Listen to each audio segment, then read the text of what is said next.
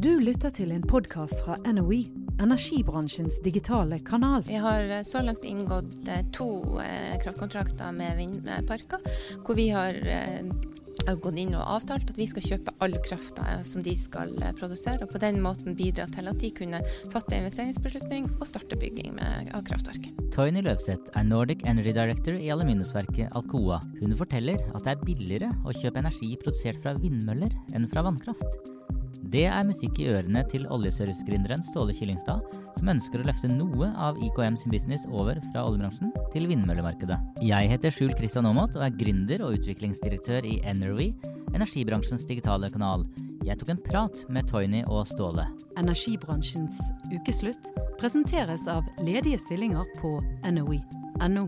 Det å, å, eh, skulle handle direkte fra Hafslund eller, eller Fjordkraft eller sånt, altså det er langt mer enn det de overhodet er i stand eh, til å tilby.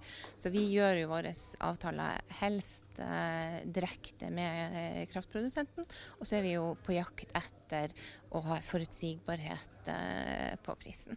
Eller så ligger vi jo da også som, som vanlige forbrukere i, i spotmarkedet, men kanskje handler direkte på, på Nordpol. Vi trenger ikke noen som er imellom der, da, sier vi så, så vidt stor. Omtrent 70% av kraften i Norge omsettes på strømbørsen Nordpool Spot. De aller fleste prater varmt om det grønne skiftet. I motsetning til olje og gass er vindkraft fornybar energi. Likevel har vindkraft mange motstandere i leiren av naturvernere som man egentlig skulle tro at heiet på fornybar energi. Ståle Kyllingstad er ikke nådig i sin beskrivelse av de som kjemper imot fornybar vindkraft.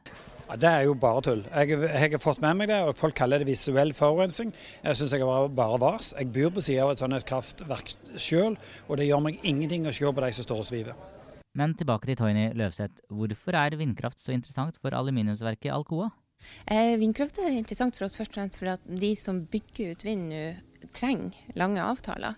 Eh, og Nedbetalte vannkraftverk de trenger kanskje ikke den forutsigbarheten. som De tjener penger på selv på veldig lave kraftpriser, og så kan de jo vente og håpe på at kraftprisene skal bli veldig mye høyere. Mens disse vindkraftverkene de er ikke, fortsatt ikke bygd. De har investorer som vil ha forutsigbarhet for avkastninga si. De, trenger, de må ha en langsiktig avtale for overhodet klare å få investorene på plass, og for å få bygd ut dette.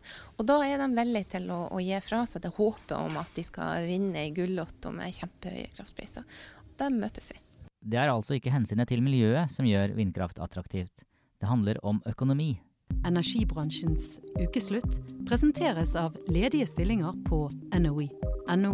Altså, det er jo åpenbart ikke billigere å produsere enn vannkraft, men de er veldig til å binde seg til en pris som gir dem en avkastning på, på investeringer. Eh, selv om de produserer dyrere. Så de, de vil jo da tjene mindre penger enn det tilsvarende vannkraftaktører gjør. Eh, men, men, det er godt nok eh, for dem.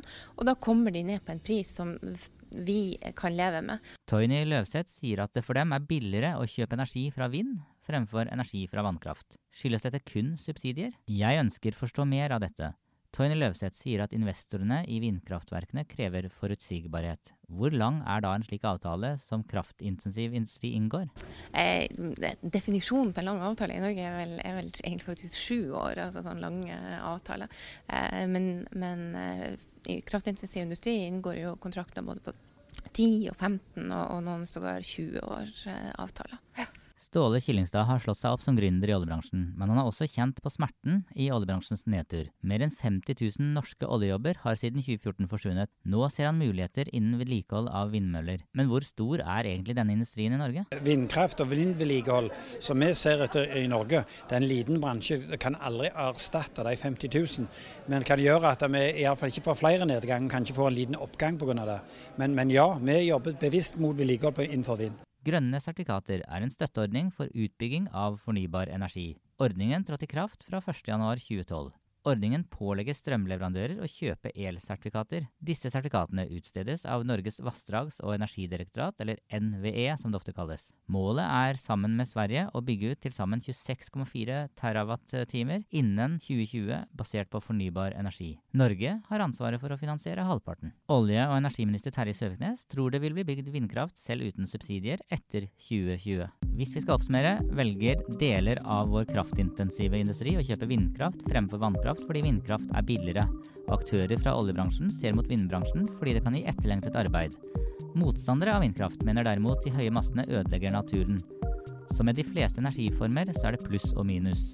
Akkurat som på et batteri. Du har nå lyttet til en podkast fra NOE, energibransjens digitale kanal.